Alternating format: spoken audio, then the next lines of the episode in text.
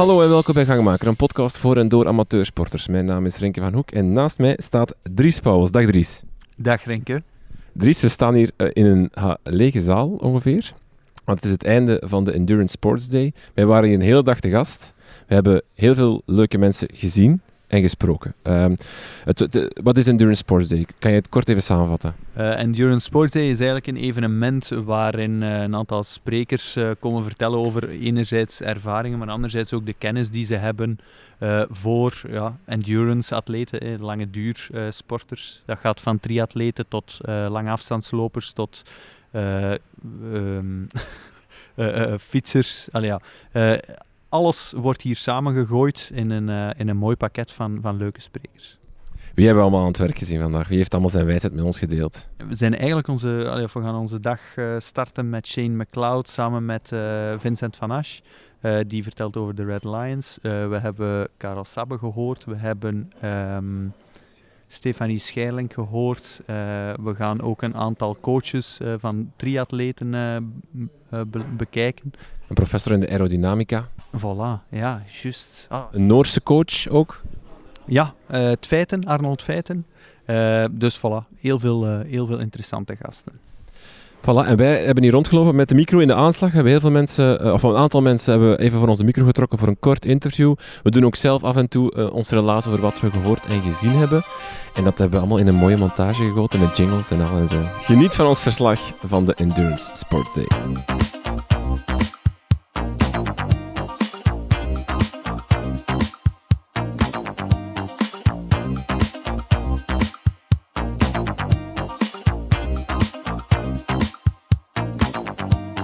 Goedendag, ik ben uh, Tim uh, coach van Runners Lab Athletics Team en daarnaast ook uh, topsportdirecteur bij de Gymnastiek Federatie. Um, en ik begeleid eigenlijk een, een 10, 15-tal elite afstandslopers en daarnaast ook een beloftevolle triatleet. En wat zou jouw ultieme tip zijn voor amateursporters? Ik denk vooral uh, keep it simple. Uh, dat ze vooral simpel uh, hun training moeten benaderen en het niet te ingewikkeld maken. En vooral continuïteit in hun training hebben. Een groot probleem bij, bij veel recreatieve ja, duursporters is dat ze te veel trainen, te zwaar trainen. En dat ze eigenlijk vaak ook niet weten wat ze aan het doen zijn. Dus ik denk dat het belangrijk is om, om echt wel de basics te ontwikkelen en vooral continuïteit in de training te, te vinden. Dus beter acht weken lang twee uur per week of drie uur per week dan uh, drie weken dat je vijf, acht, vijf tot acht uur per week gaat doen en dan niet meer kan omdat je oververmoeid bent. Ja, standaard uh, met nieuwjaar begint iedereen terug te sporten en dan is de eerste week vol een bak en de tweede week zijn ze geblesseerd. Dus ik denk dat dat de juiste samenvatting is inderdaad. Kan je te, want eh, zo definitie, definitie van sporten is, kan je te weinig sporten op een week om, om continuïteit op te bouwen, of om, om vooruit te gaan? Want hey, drukke mensen, uh, job komt erbij, bijvoorbeeld sommigen kunnen maar een uurtje sporten per week of twee uurtjes sporten per week. Is er een, een minimum dat je toch zou moeten doen als je wil verbeteren naar een bepaald niveau? Ik denk, Allee, hangt eerst en vooral af van, uh, van, uh, van het niveau dat je hebt. Hè. Ben, je, ben je, moet ik zeggen, Bashir Abdi, ja, dan uh, gaat er een uur in de week niet ver komen. Ben je een starter-runner, ja, dan kan je daar al vrij ver mee komen als je dat bijvoorbeeld in, in vier kwartiertjes gaat opsplitsen door in de week. Maar ook van de sport dat je doet. Als je een uur gaat fietsen, bij wijze spreken, gaat dat veel minder impact hebben dan een uur gaan lopen. Omdat je bij, bij lopen sneller aan een hogere hartslag en intensiteit zit. het nadeel is dan weer dat je schokbelasting hebt. Terwijl bij een uurtje fietsen ja, ga je vaker in een hele lage intensiteit zitten. Dus de, de, de stimuli gaat ook lager zijn. Dus ik denk dat het belangrijk is inderdaad om gewoon echt wel continuïteit te vinden. En te weinig sporten, ja, als je niet gaat sporten, gaat natuurlijk geen impact hebben. Dus ik denk dat het wel belangrijk is dat je naar uh, idealiter twee, drie keer per week toch wel uh, actief bent. En een half uurtje kan, kan wonderen doen. En als het lopen is, gaat dat meer impact hebben naar, uh, naar het cardiovasculaire. Gaat dat dan een half uur fietsen zijn, gaat dat ook invloed hebben, maar, maar veel minder. Je sprak daarnet in, in je keynote ook over dat, dat polarized trainen, over die afwisseling tussen enerzijds duur opbouwen, anderzijds intensief uh, trainen. Ik hoorde een verhouding vallen, maar verbeter mij als ik niet goed opgelet heb. Uh, de 80-20, 80%, duur, 20% uh, intensief of, of intervalletjes gaan doen. Is dat een, ook een verhouding die een, een amateursporter kan aanhouden in zijn week, weekschema? Ik zou eerder naar, naar 90-10 gaan. Nee, uh, het belangrijkste is vooral, ja, ik zeg maar iets, als je, als je maar twee keer per week uh, uh, traint, ja, dan ga je natuurlijk wat minder intensiteit er kunnen insteken. In die zin dat je niet twee keer vol een bak kan gaan. ik denk het allerbelangrijkste, en dat is misschien raar wat ik nu ga zeggen, als je maar twee keer kan trainen in de week, kan je wel, als je over duurlopen spreekt of over lopen spreekt, kan je volgens mij beter twee keer geen duurloop doen, maar wel twee keer een, een, een trage intervaltraining doen. Waarom? Omdat het effect daarmee veel groter is dan twee keer gewoon een duurloopje te gaan doen. Maar, en, en dat is wel belangrijk, bij interval denken we dan niet weer aan maximaal gaan, maar echt wel aan een intensiteit die iets sneller is dan uw duurlooptempo. Ik zeg maar, is bijvoorbeeld uh, vijf keer uh, vier minuten aan een tempo ietsje sneller dan uw duurlooptempo. En dat je dat bijvoorbeeld twee keer in de week doet, dan dat je twee keer gewoon een duurloop gaat doen. Want uiteindelijk gaat de impact naar, naar, naar, naar schokken toe bij een duurloop veel groter zijn. Terwijl als je altijd even stopt, dat is eigenlijk een beetje een soort van start-run schema. Maar dan kan dat ook voor een gevorderde loper zijn die maar twee keer in de week kan trainen bij ons spreken. Dries, jij nog een vraag? Ja, ik wou nog één vraag stellen. We hebben tijdens de keynote enorm veel interessante cijfers gezien. Um, is het voor een beginnende sporter ook belangrijk om toch die lactaattesties te laten doen? Ik denk het allerbelangrijkste uh, is dat je volgens mij dat nog niet moet gaan doen, omdat dat al relatief, allee, dat is al meer laagdrempelig. Ik denk als je wel wilt relatief correct trainen, je moet maar eens gaan kijken, Jack Daniels, en, en niet de whisky, maar uh, Jack Daniels de calculator, je moet maar eens in Google intikken.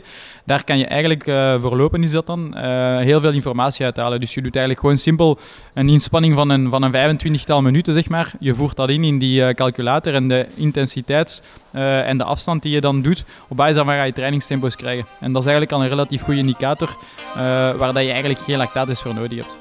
Oké Tim, heel veel dank.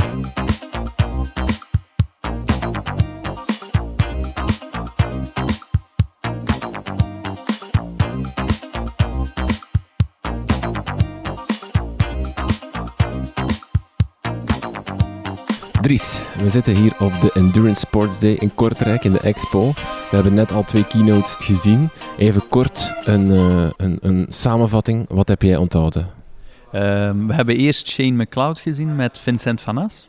Van Asch. Van Asch, hè? Ja, hè? Um, die, uh, die eigenlijk een beetje de reis naar het uh, Olympisch goud hebben, hebben verteld. Van de hockeymannen, hè? de Red Lions. Hè? Ja, absoluut.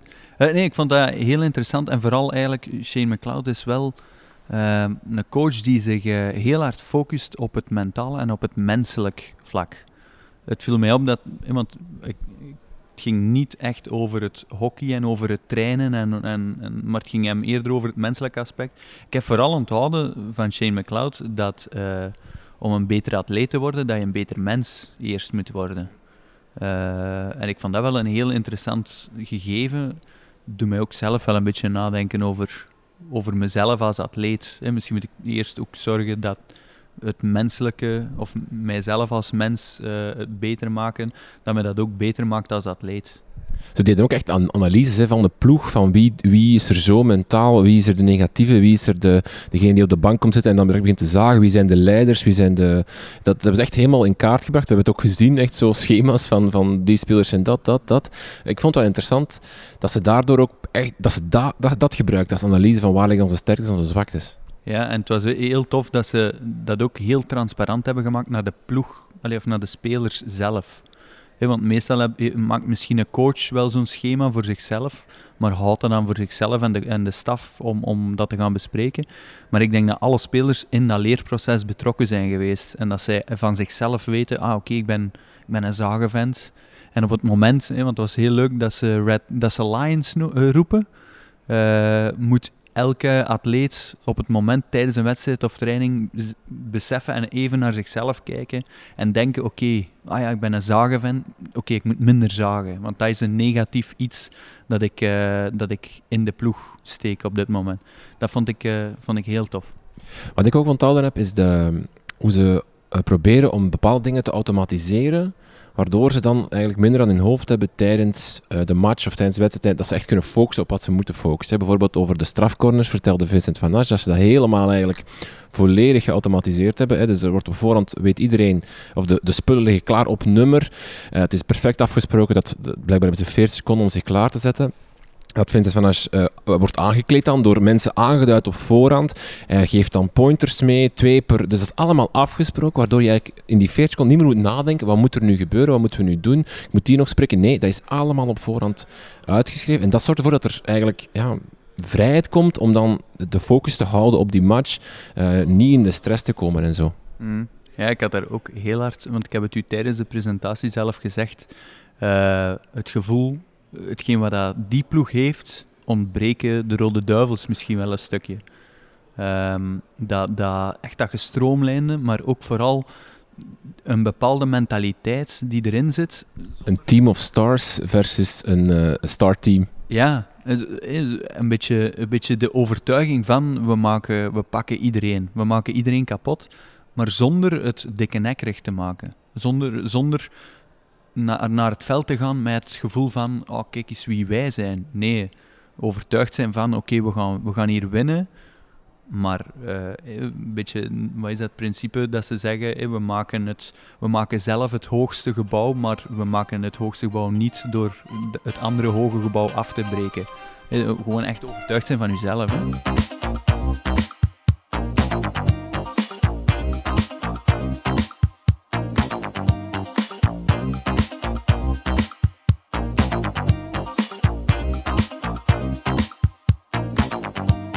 Hallo, ik ben uh, Bert Blokken. Ik ben hoogleraar bouwfysica bij de Technische Universiteit Eindhoven, bij de KU Leuven. En ik uh, hou mij onder meer bezig met windtunnelonderzoek. Uh, windtunnelwerk voor gebouwen, maar ook voor sport, tussen wielrennen en het lopen.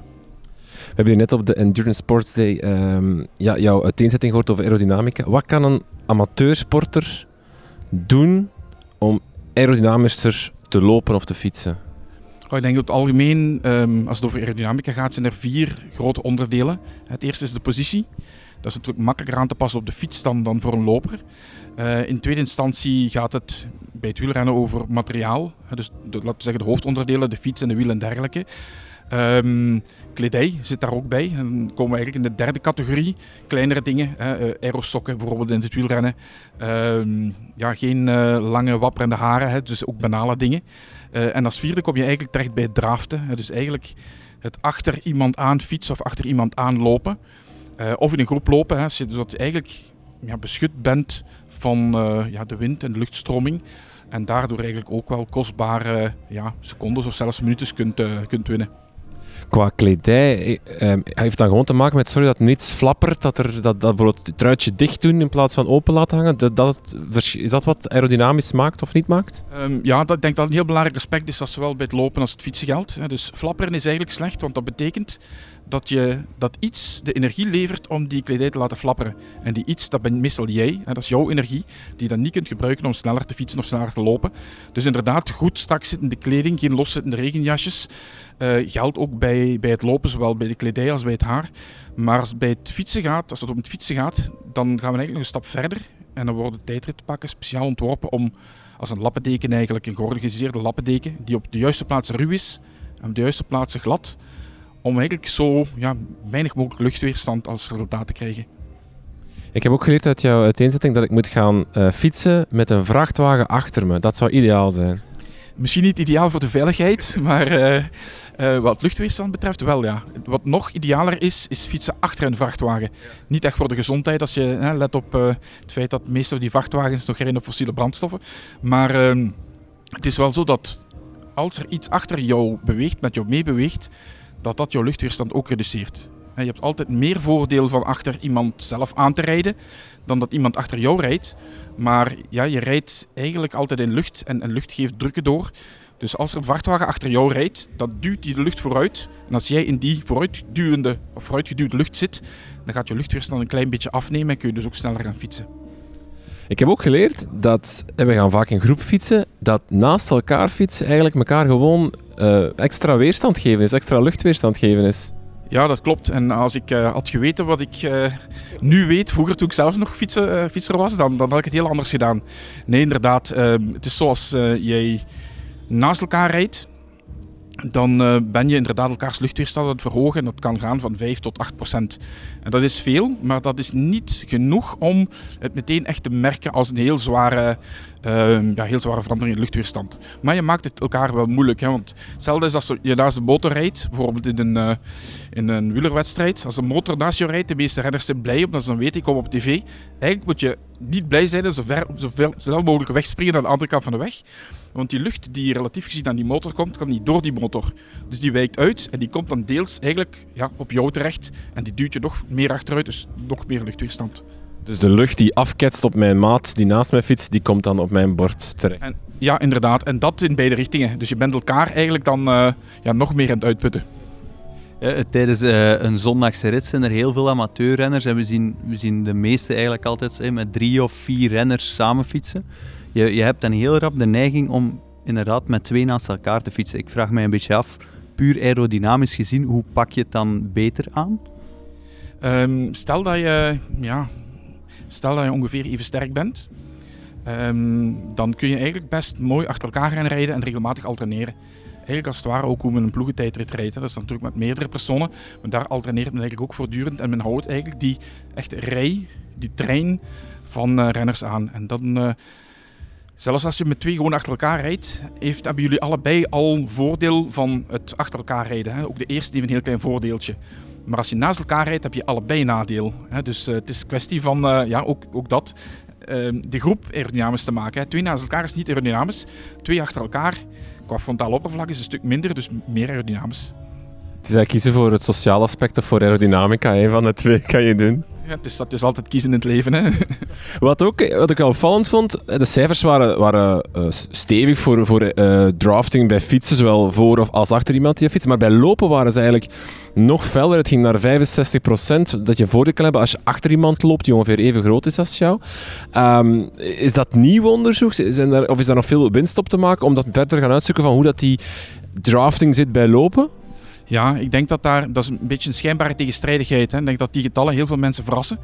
Um, men heeft mij ook ooit uh, verteld dat uh, men geen geloof hechten aan het feit dat hè, bij Eliud Kipchoge dat we 85% minder luchtweerstand hebben gegeven. Maar ja, je kunt dat inderdaad meten en berekenen. Maar het feit dat sommige mensen het niet geloven of het, of echt heel grote getallen vinden, uh, heeft te maken met het feit dat dit procentueel wel een groot getal is. Maar als je kijkt naar de effectieve vermogenswinst die je hebt door te draften, dat dat eigenlijk maar een heel klein getal is. Omdat de luchtweerstand bij lopen, bij een lage snelheid en ook in een, dat we zeggen, niet aerodynamische positie rechtop, is eigenlijk maar één kleine factor van alle totale weerstanden die je moet overwinnen. En bij fietsen is dat heel omgekeerd. Hè. Bij het fietsen is luchtweerstand bij hoge snelheid de belangrijkste factor op vlakke weg. En daarom merk je bij het fietsen heel erg dat je kunt draften, dat je er groot voordeel hebt. Terwijl bij het lopen dat je dat niet echt heel sterk gaat merken. Dus het is niet dat daar nog een, een, soort van revolutie in kan gebeuren in hoe dat met loopwedstrijden de langere dan gaat aanpakken door, door meer op die drafting te gaan werken en dergelijke? Nee, ik denk het niet. Uh, wat je wel kan doen is, uh, maar dan moet je natuurlijk ja, de nodige helpers hebben. Je kunt, je kunt die helpers uitputten om jou zoveel als mogelijk uit de wind te zetten. Dat is eigenlijk wat we met Eliot Kipchoge hebben gedaan. Dus uh, vier, ik denk, ja, vier mensen voor hem, of vijf mensen voor hem, sorry, en twee erachter die we ook voortdurend hebben gewisseld, omdat die mochten zich te pletteren lopen, als dan de man waar het om ging maar uit de wind werd gezet. Dus als je goede vrienden hebt, echt goede vrienden, die dat voor jou willen doen, dan is er nog wel wat winst te boeken. Oké, okay. Dries, jij nog een vraag? Uh, nee. Oké. Okay. Morgen komt Jonas Vingegaard langs bij jou in de windtunnel. Ga jij hem helpen de, de Giro of de Vuelta te winnen, of, of moet hij naar de Tour? Uh, Mag je daar nog iets over zeggen? Ja, ik... Uh, ik ben bij die tactische besprekingen niet betrokken, dus ik kan hier ook niks verkeerd zeggen, denk ik. Maar uh, nee, ik denk dat de, de, de, de, droom van het team en ook, ook van ons als uh, uh, betrokken wetenschappers is die tour. En ik denk dat daar nog het meeste op gaat ingezet worden. Dus wat mij betreft Jonas en Primos en Wout naar de tour. Bert, heel veel dank voor dit gesprek. Graag gedaan.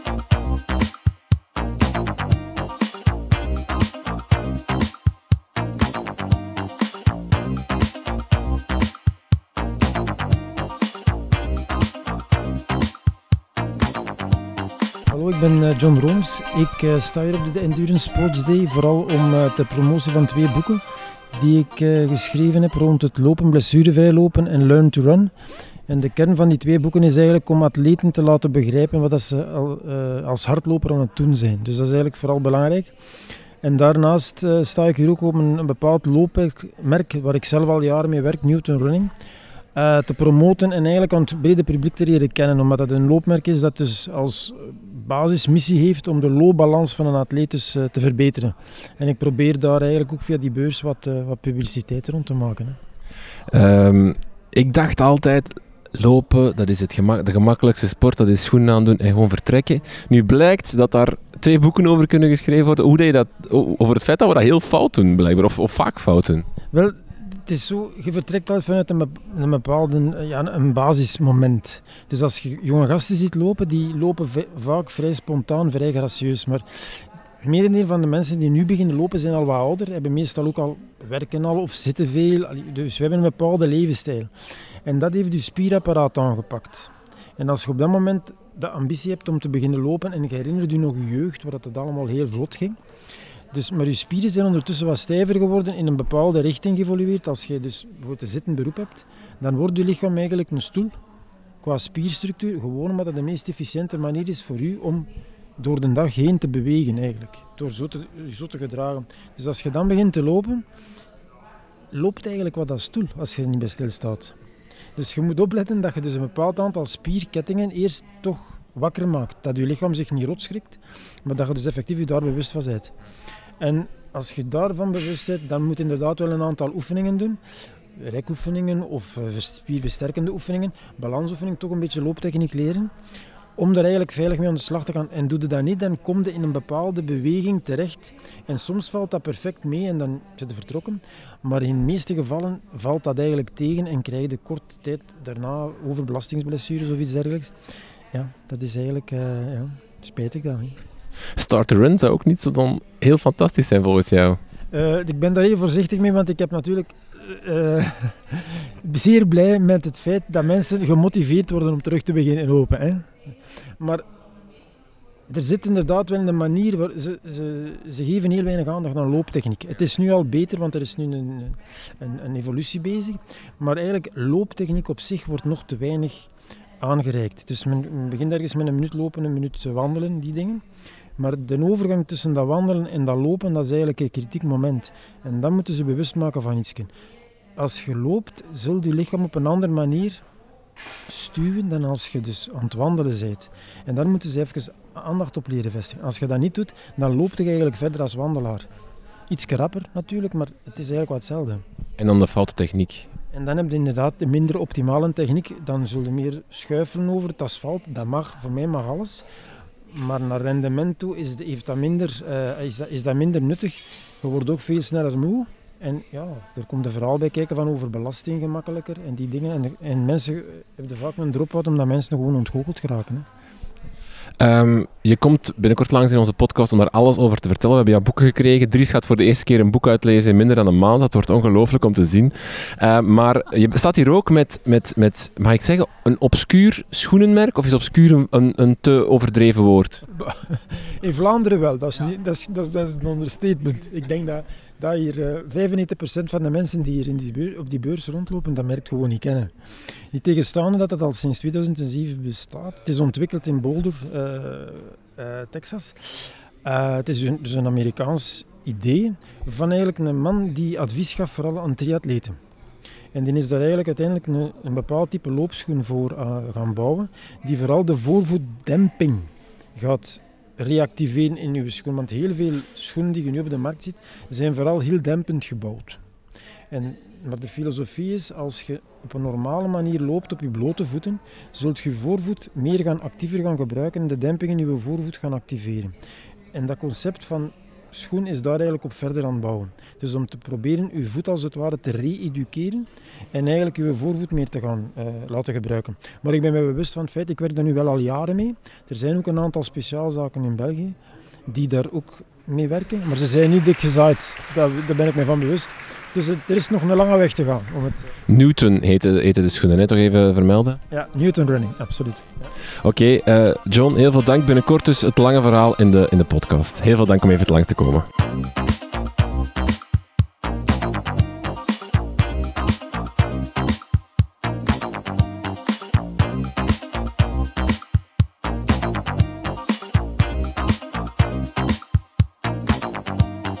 Dries, we zitten nog steeds op de Endurance Sports Day. Uh, hier in Kortrijk, in de expo. Um, we zijn bijna aan het einde van de dag gekomen. En we hebben net uh, drank besteld. Uh, we dachten, we gaan... Het is zo... Laat is het vier uur, we kunnen een pintje drinken. Wat blijkt? We hebben de eerste twee pintjes van het hele, hele event hier besteld. Wat zegt dat over ons, Dries? Dat zegt dat wij... Uh geen ruggengraat heb. nee, uh, ja, ik voelde mij wel een beetje ongemakkelijk, moet ik toegeven. een beetje zo schandelijke mensen dat wij zijn. Maar ja, uh, ja, op zich trekt me eigenlijk niet veel aan. Het is niet dat je shame begonnen roepen of zo, dus het viel nog mee. Nee. Um, Dries, we hebben net uh, van, alle, al, van alle sprekers gezien, maar we gaan het even hebben over een, een zeer leuk intermezzo, vond ik zelf. Uh, Stefanie Scherlings was hier ook te gast voor een keynote over sportvoeding natuurlijk, daarvan kennen we ze allemaal. Maar ze was hier ook samen met uh, Bram. Bram is de, de uh, kok van Trek Segafredo. Bram Lippens, als ik me niet vergis, ben ik dat juist? Ja. Uh, en die hebben samen een kookdemo gedaan. Ze hebben samen drie gerechten gemaakt die je kan eten de avond voor, s morgens en tijdens een wedstrijd eigenlijk. Of net voor een wedstrijd. Wat neem jij daaruit mee? Um, uh, dat, uh, dat het, uh, wacht, de vetten die, die daarin worden gebruikt, dat die van, bijvoorbeeld bij pancakes wordt er vaak, want er was even een gast, die, die, iemand in het publiek die een vraag stelde van, is dat niet belangrijk welk soort vet ik dan gebruik? Arachideolie of kokosolie of, of polter of... Um, en, en het was wel interessant, want inderdaad, je kan daarover nadenken welke soort vetten dat je daar gebruikt, maar in het geval van bijvoorbeeld pancakes of pannenkoeken bakken, is dat vetgehalte zo laag dat het eigenlijk niet veel uitmaakt welk, welk soort vet dat je dan op dat moment gaat gebruiken. Dat vond ik iets interessant. Ik, uh, ik vond ook de rice cakes. Ik, ik, heb, uh, ik weet niet, Rinke, gebruik jij dat? Nee, nee. Het is echt nu, nu dat ik er mee kennis heb gemaakt. Maar ik denk uh, wel interessant om, om, om te onthouden.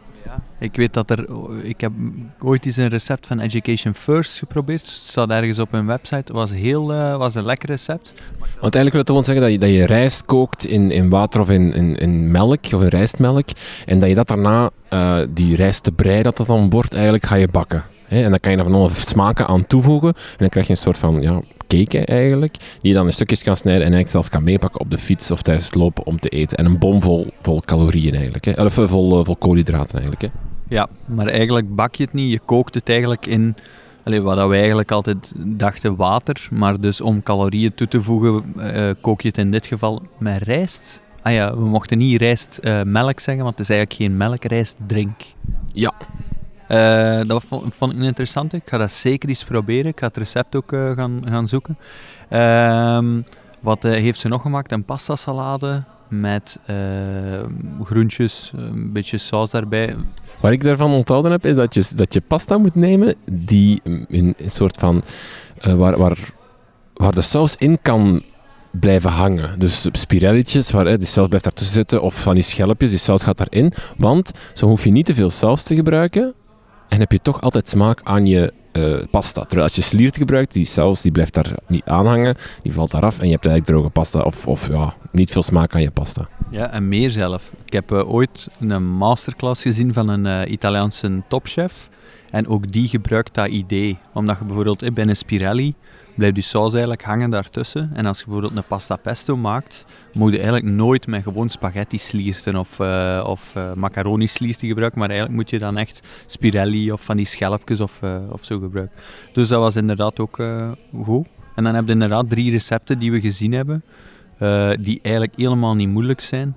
Uh, voedzaam. En wat ik ook nog uh, heb onthouden van Stefanie Scheiling is ehm, de maaltijd voor uw wedstrijd, op de wedstrijddag zelf, dat je het eigenlijk eiwitarm, vezelarm en vetarm moet houden. En vooral de vezelarm was bij ons nog, allee, is bij ons nog een klein beetje een vraag teken waarom. Hè? Ja, dat is, uh, Stefanie Schelling staat ook op ons lijstje van gasten die ooit eens uh, in onze podcast willen. Uh, en ik denk dat dat toch wel een van de dingen is waar ik eigenlijk graag eens dieper op in wil gaan, omdat het heel vaak door, door vooral klimmers dan wordt aangehaald van ja, we eten vezelarm, vooral ook voor een berg, bergkoers, of een, een, een bergetappe. Um, maar dat is ook niet gemakkelijk, het is ook heel moeilijk om, om vezelarm te eten, omdat je dan wel de opties echt limiteert. Dus, dus ik wil wel eens weten wat dat nu eigenlijk inhoud, wat het ook met je doet, want, want het heeft ook wel effecten op je, op, je, op je maag en je darmen en zo. Dus ik ben daar wel eens benieuwd naar. Dus uh, als Stefanie ooit te gast is, dan is dat zeker een van de vragen die we gaan stellen. Ja. Een kookdemo met Stefanie Schering, dat gaan we regelen. Hè? Dat, uh, dat gaat er zeker aankomen, ik voel het. Oké, okay, live vanaf de Endurance Sports Day in de Expo in Kortrijk. Terug over naar de studio.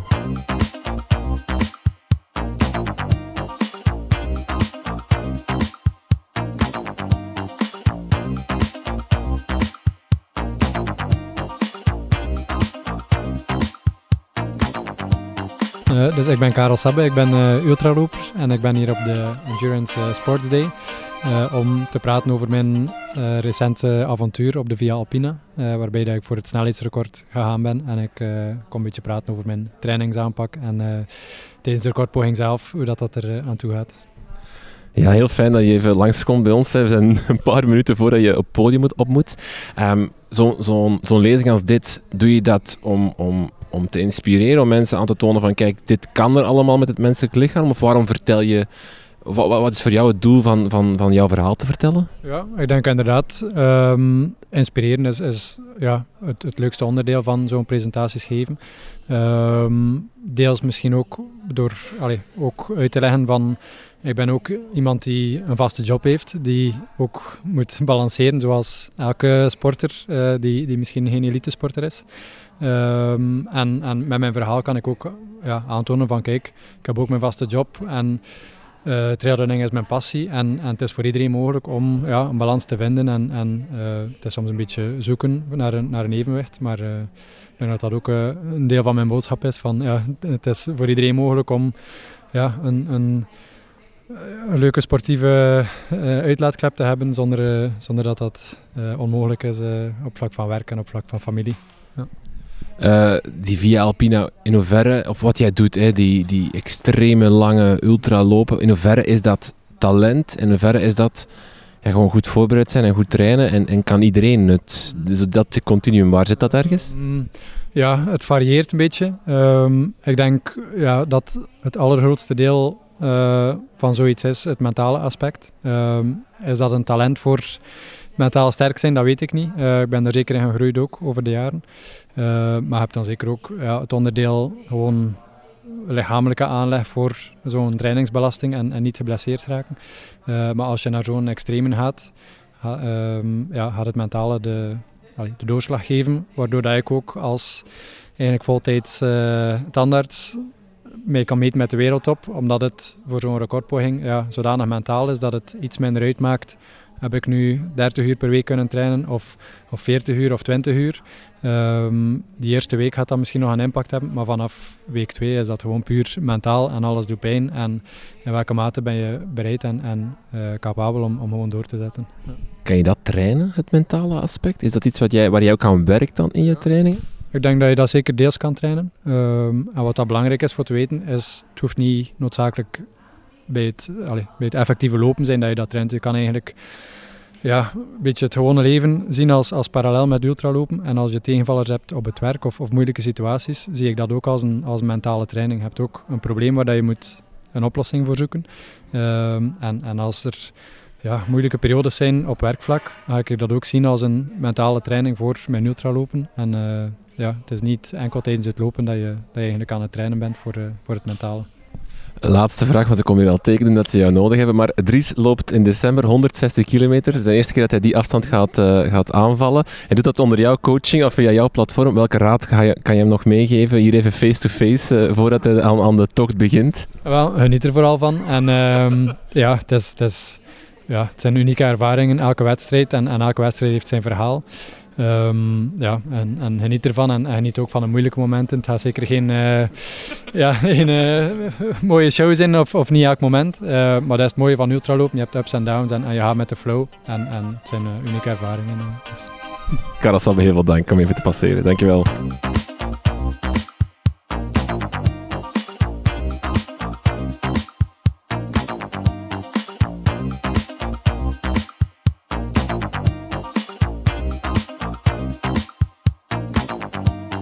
Hallo gangmakers, uh, wij uh, hebben hier net onze laatste spreker gehad tijdens de Endurance Sports Day. Rinke, hoe vond je het? Ja, het was het ongelooflijke verhaal van Karel Sabbe, die jullie daarnet al even hoorden uh, in onze podcast. ik hoop dat we hem ooit eens echt volledig aan de tafel krijgen voor een lang, lange babbel over die, die, die Via Alpina en al zijn tochten eigenlijk. En het is eigenlijk ongelooflijk. Ik denk dat ik één ding onthoud, is dat die man eigenlijk gewoon uh, 30 dagen lang twee marathons per dag kan lopen. En als je hem vraagt, en was je dan op een gegeven moment ergens geblesseerd, had je een pijntje, dan antwoordt hij, nee, nee, zo. Ja, hij eindigt heel dat avontuur na 30 dagen volledig blessurevrij, wat echt waanzinnig is. Um... Ja, maar ik vind het is, het is inderdaad waanzinnig. En ook wel, wel, uh, ook wel mooi is dat het, het lijkt En het lijkt op zich, als je het vertelt, ja, een man loopt via Alpina 30 dagen, twee marathons per dag, lijkt een soort van eenzaam verhaal te zijn. Maar hij maakt dat er eigenlijk helemaal niet van, doordat hij met een hele crew loopt, die eigenlijk buiten drie uur dat hij heen loopt, altijd met hem meeloopt. Ik vind het wel mooi, het, het ondersteunt een beetje mijn idee van... Um, mooie landschap, mooie dingen doen of grave dingen doen, is des te leuker als je het kan delen met mensen.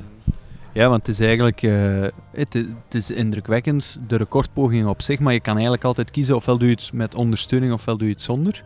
Um, hij kiest er eigenlijk heel bewust voor om het met ondersteuning te doen. Niet omdat hij niet denkt dat hij het zonder niet zou kunnen, maar inderdaad eerder de ervaring met om dat met vrienden, familie te kunnen delen. Wat ik ook heel leuk vind en onthoud van die presentatie, want we hebben het vaak gezegd, is de mooie beelden die je ziet. Die prachtige foto's van, uh, van de, ja, langs de Via Alpina. Um, dat ook de nadruk tijdens zijn presentatie vooral ligt op heel de beleving en veel minder op wat hij zelf gepresteerd heeft. Ja, zeker. Hè. Het, het, is voor hem hè, cruciaal, anders zou hij het niet doen. Het is voor hem, het moet mooi zijn, het moet indrukwekkend zijn. Hij moet op ontdekkingstocht gaan. Hij had ook niet zoveel opgezocht over de Via Alpine, of qua, qua landschap wat het zou zijn. Hij, vindt, hij wil, vindt het gewoon belangrijk om, om, om een meest te zijn tijdens zijn tocht. En dat is op zich wel mooi, want dat is, de, dat is een hele mooie reden om, iets, om, om zo'n tocht aan, aan te vatten. En als motivatie denk ik ook wel dat dat heel hard kan werken. Oké, okay. Rinke, we hebben uh, nu de hele dag verschillende heel interessante sprekers gehad. Welke is jou het meeste bijgebleven? Goh, heel moeilijke vraag.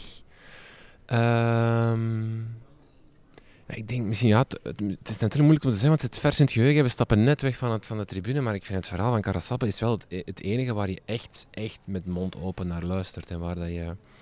Um, toch elke keer weer denkt van wat kan die man, uh, wat een limieten heeft die man, waar liggen die limieten, wat, wat kan, dus misschien toch gewoon Karel Sabben als laatste. Wat, wat kies jij er uh, ja, het probleem is, ik ken Karel zijn verhaal al, al redelijk goed, omdat ik zelf in de sport zit. Um, dus ik denk nog altijd dat de coach, um, de, Noorse, de coach van de Noorse triathlonploeg, mij het meest gaat bijblijven. En vooral om de aanpak, de no-nonsense aanpak die hij heeft. Het, uh, het was hilarisch. Allee, het was eigenlijk wel een beetje een grappig moment. Maar heel veel atleten zijn meer en meer bezig met uh, mentale training en het mentale aspect van een sportprestatie. En die vraag werd uiteindelijk ook gesteld naar hem toe. Iemand uit het publiek vroeg: Train jij ook je atleten mentaal? en zijn antwoord was heel eenvoudig: No. I don't train mental, I don't do mental training. En, uh, en dat valt mij soms wel op en dat, dat doet mij soms ook wel denken van, goh, misschien moeten we toch, toch niet altijd daar volledig op focussen. En misschien focussen we ons daar soms iets te veel op. We hebben uh, een hele fijne dag beleefd uh, op Endurance Sports Day. Ik hoop dat we ehm, al die wijsheden nog veel kunnen gebruiken en dat we een aantal interessante mogelijke potentiële gasten uh, hebben gehoord die we, die we hopelijk eh, een verhaal kunnen laten delen via onze podcast. Voilà. Dank u om te luisteren. Tot de volgende keer.